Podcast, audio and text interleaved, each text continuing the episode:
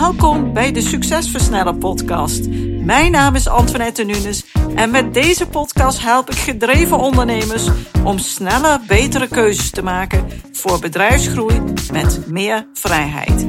In deze podcast deel ik tips, kennis en heb ik gesprekken met andere succesvolle ondernemers om jouw succes te versnellen, wat zorgt voor meer tijd, meer voldoening en meer winst.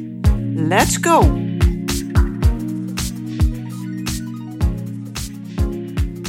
Welkom bij aflevering 95 alweer van de Succesversneller podcast.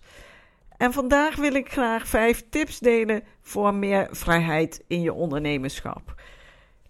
Luister en geniet ervan. En dan begin ik gelijk met de eerste. Wat jij tot nu toe gedaan hebt, is niet bepalend voor wat je kunt bereiken.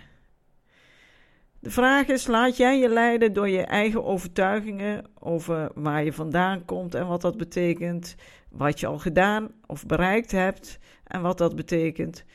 Of durf je juist moedig te zijn, geen concessies meer te doen en groter te dromen? Het is aan jou en in dit kader deel ik graag het volgende verhaal met je. Sarah is opgegroeid in een arme wijk en ze had weinig kansen in haar leven. Haar ouders werkten hard om de eindjes aan elkaar te knopen. Dus moest ze ook vaak voor haar jongere broers en zussen zorgen. Op school was ze nooit erg opgevallen en ze had weinig zelfvertrouwen. Toen ze van de middelbare school afkwam, wist Sarah ook niet wat ze wilde doen met haar leven. Ze nam een baantje in de plaatselijke supermarkt om wat geld te verdienen, maar voelde zich al snel gevangen in die dagelijkse sleur van allerlei routines. Op een dag hoorde ze over een programma dat voor weinig geld trainingen aanbood om een eigen bedrijf op te zetten. Sarah was sceptisch. Ze had nooit gedacht aan ondernemerschap en ze had geen geld om te investeren. Maar iets in haar zei dat ze toch moest proberen, zeker nu het om een kleine investering ging. Sarah begon met de trainingen en kwam erachter dat ze een talent had voor marketing. Ze begon ideeën te bedenken voor een eigen bedrijf en na een paar maanden lanceerde ze haar eerste product. Het was een hit en binnen een jaar tijd had ze genoeg geld verdiend om haar eigen kantoor te huren.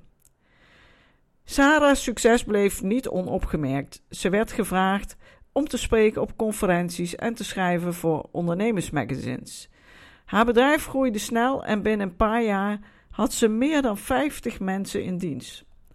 Sarah besefte dat wat ze tot nu toe had gedaan niet bepalend was voor wat ze kon bereiken. Door haar eigen talenten te ontdekken en er echt 100% voor te gaan, was ze in staat om een succesvol bedrijf op te zetten en haar leven te veranderen. Ze gebruikte haar verhaal om anderen te inspireren om hun eigen talent te ontdekken en te volgen, ongeacht hun achtergrond of eerdere ervaringen. Met dit verhaal wil ik je inspireren en laten zien dat ons verleden niets zegt over onze toekomst. Als jij nu weinig vrijheid kent in je ondernemerschap en leven, zegt dat niets over hoe jouw toekomst eruit kan zien. Ook jij kunt een bedrijf bouwen wat onafhankelijk van jou draait. Alles is een keuze en keuzes vragen soms om moedige beslissingen. Maar uiteindelijk leidt juist dat tot een geweldig leven. De tweede tip laat niemand je doen geloven dat je iets niet kan. Dit gaat over het hebben van zelfvertrouwen en geloof in je eigen kunnen, ongeacht wat anderen zeggen. Het betekent dat je je niet moet laten ontmoedigen door negatieve opmerkingen of kritiek van anderen. En dat je in plaats daarvan moet geloven dat jij in staat bent om echt te doen wat je wilt, wat je voelt, wat je van binnen ja, waar je naar verlangt. Dit is belangrijk omdat het je aanmoedigt om je eigen pad te volgen en jouw volledige potentie te benutten en maximaal in te zetten. Wanneer jij je laat beïnvloeden door anderen die ons vertellen dat je bijvoorbeeld iets niet kunt, eh, dan laat je jezelf tegenhouden. Feitelijk laat je jouw dromen en doelen saboteren. En dat wil je niet. Dus houd die macht in handen en laat je niet tegenhouden door wat anderen zeggen. Wat een ander vindt, is de zaak van een ander, is niet jouw zaak. Laat het dus ook bij hem of haar. Hierdoor zal je vertrouwen vergroten en kun je jezelf motiveren om door te gaan, ook als het tegenzit, als het moeilijk is. Het is belangrijk dat je onthoudt dat niemand perfect is en dat iedereen fouten maakt. En van fouten leer je. Maar het is maar net hoe je er tegenaan kijkt. Zijn fouten een gevolg van dom gedrag? Of zijn fouten moedige keuzes en brengen ze jou dichter bij je doel? Het is allemaal maar net hoe je er zelf naar kijkt. We hebben allemaal onze eigen dingen te leren. Dus houd je bij jouw zaak, daar waar je invloed en verantwoording voor kunt nemen. Als je je vanuit die visie blijft richten op je doelen en je niet laat afschrikken door die negatieve opmerkingen van anderen, dan is alles mogelijk wat jij maar zou willen. De derde tip. Focus op je goede eigenschappen en leg minder nadruk op mindere eigenschappen. Dit klinkt logisch, maar toch is dit voor ons mensen vaak heel moeilijk. We hebben de neiging om ons te concentreren op onze zwakke punten en tekortkomingen, in plaats van dat we focus leggen op onze kracht, onze successen, onze sterke punten. We zijn geneigd ons te richten op de tekortkomingen als een manier om onszelf dan te verbeteren en te groeien. Maar dat werkt niet zo. Psychologisch is onderzocht en bewezen dat we meer geneigd zijn om negatieve gebeurtenissen en eigenschappen te onthouden dan alles positief wat op ons afkomt. En dat doet me denken aan een keer toen ik met een groepje vriendinnen na een cabaret optreden uh, weer van het podium af was en dat iedereen laaiend enthousiast was van hoe leuk en hoe goed het was. Maar er was ook één iemand in de zaal en die had tegen mijn vriendin gezegd dat ze een bepaald onderdeel maar niets vond. En die vriendin van mij, die kon alleen daar nog maar over praten en daar aan denken. Het is heel jammer, want als 90% van de zaal positief is, of 99% en 1% niet, waarom focussen wij ons dan op die negativiteit? Nou, dat komt omdat ons brein zo geprogrammeerd is dat het gevaar en bedreigingen prioriteit geeft omdat het ons wil beschermen. Dus we zijn blijkbaar veel gevoeliger voor gevaar en negativiteit dan voor positiviteit. En daarnaast vergelijken wij onszelf sowieso vaak met anderen. Als we onszelf minder succesvol of minder bekwaam vinden dan anderen, kunnen we ons meer richten op onze tekortkomingen en minder op onze successen. En social media versterkt dit principe in ons. Dus mijn tip is: zorg dat je zo min mogelijk op social media actief bent.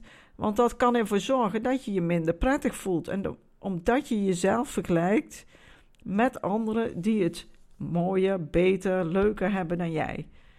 Het is belangrijk om ons bewust te zijn van deze neiging en je te concentreren op uh, jouw sterke punten, jouw successen. Door je te concentreren op je positieve eigenschappen kun je jouw zelfvertrouwen laten groeien en je motivatie en veerkracht enorm verbeteren. En dat helpt je om een succesvolle ondernemende leider te zijn en je bedrijf verder uit te bouwen met meer vrijheid. Het is ook nuttig en prettig om aandacht te geven aan persoonlijke groei en ontwikkeling in plaats van aandacht te geven aan social media, het vergelijken van jezelf met anderen en negatieve commentaren. Als jij je richt op persoonlijke groei en ontwikkeling, kun je jouw potentieel maximaliseren en is alles mogelijk wat jij graag wilt. De vierde, samen is alles veel leuker. Alleen ga je sneller, maar samen kom je verder. Ondernemers zijn vaak geneigd alles zelf te doen. Ze kunnen alles het beste, weten alles het beste, kunnen alles het snelste en noem maar op. Althans, dat is vaak wat de overtuiging is en ook dan in de praktijk de waarheid laat zien. Niets menselijks is mij vreemd en ik heb dit ook gedacht. Echter, inmiddels weet ik dat het samen doen niet alles veel leuker maakt, maar het maakt het ook makkelijker en vergroot de kans op succes. Want alleen samen kun je een bedrijf bouwen wat onafhankelijk van jou wordt en dus zelfstandig succesvol kan draaien, terwijl jij met hele andere dingen bezig bent. En wat die andere dingen zijn, dat mag je helemaal zelf invullen. Samen bereik je gewoon meer. Samen met je team, met je klanten, met je leveranciers, met hulptroepen, noem maar op. Persoonlijk word ik super enthousiast van het helpen van ondernemers en hun teams. Het 1 plus 1 is 3 principe. Dat kan je bereiken door alles samen te doen en het leuk te maken. Het succes zit in de aansluiting, de verbinding en de gezamenlijkheid, die tot fantastische dingen leiden. En daar krijgt iedereen meer energie van. En de vijfde laatste tip: vergeet ook niet om plezier te maken. Vaak zijn we zo gefocust op het werk en alles wat er gedaan moet worden, dat we vergeten om plezier te maken. En die dingen die bereikt worden, ook echt daar bewust van te zijn en te vieren. En dat is een enorme gemiste kans. Plezier hebben in je werk is belangrijk, want het draagt bij aan een positieve werkomgeving en de prestaties van werknemers kunnen daardoor verbeteren. Wanneer mensen plezier hebben in hun werk, zijn ze vaak meer gemotiveerd en betrokken. En dat kan weer leiden tot een hogere productiviteit en betere prestaties. Ook leidt plezier in de werkomgeving tot minder stress en betere gezondheid van werknemers. Door plezier te hebben en een goede werksfeer te creëren, ja, kan je het ziekteverzuim laten afnemen. En meestal voelen werknemers zich dan ook meer gewaardeerd. En bovendien kan plezier hebben de banden tussen medewerkers onderling weer versterken en daardoor de samenwerking verbeteren. En dat leidt dan weer tot een positieve werkcultuur en een betere teamdynamiek, wat uiteindelijk kan bijdragen aan het verdere succes van jouw bedrijf. Kortom, plezier hebben in het werk en zakelijke activiteiten die je doet is belangrijk omdat het een positief effect heeft op je werkomgeving, op de prestaties van je werknemers en ook op het succes van je bedrijf. En vergeet dus ook niet je successen te vieren. Ik zie nogal eens dat we vooral blij zijn als we een bepaald resultaat halen, maar ook weer direct doorgaan. Maar het programmeren van jezelf, je team, je bedrijf, door de successen ook echt even te vieren, dus hier even bij stil te staan, is een belangrijke pijler om eh, zeg maar je mindset te programmeren in positieve zin. En om dus meer en vaker die goede resultaten te bereiken. Als jij meer vrijheid wilt in je werk en je leven, zul je meer plezier moeten maken en successen bewuster moeten vieren. Dan gaat er wat schuiven en is er veel meer mogelijk. Dit waren de vijf tips die ik deze week met je wilde delen over wat belangrijk is om meer vrijheid te krijgen in je ondernemerschap. Natuurlijk hoop ik je weer geïnspireerd te hebben met deze tips. Ga er vooral mee aan de slag, want alleen luisteren, dat levert niet zoveel op.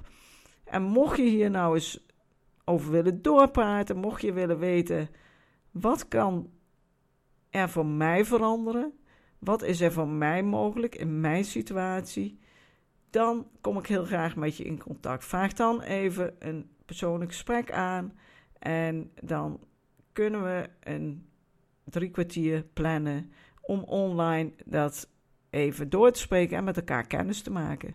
Ik zou het leuk vinden om je binnenkort te spreken. Maak er een mooie week van. Dankjewel voor het luisteren en graag tot volgende week. Bedankt voor het luisteren naar deze aflevering van de Succesversnellen podcast.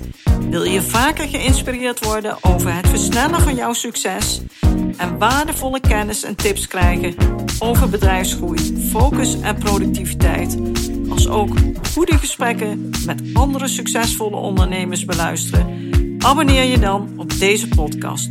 Je ontvangt dan een berichtje als er een nieuwe aflevering voor je klaarstaat.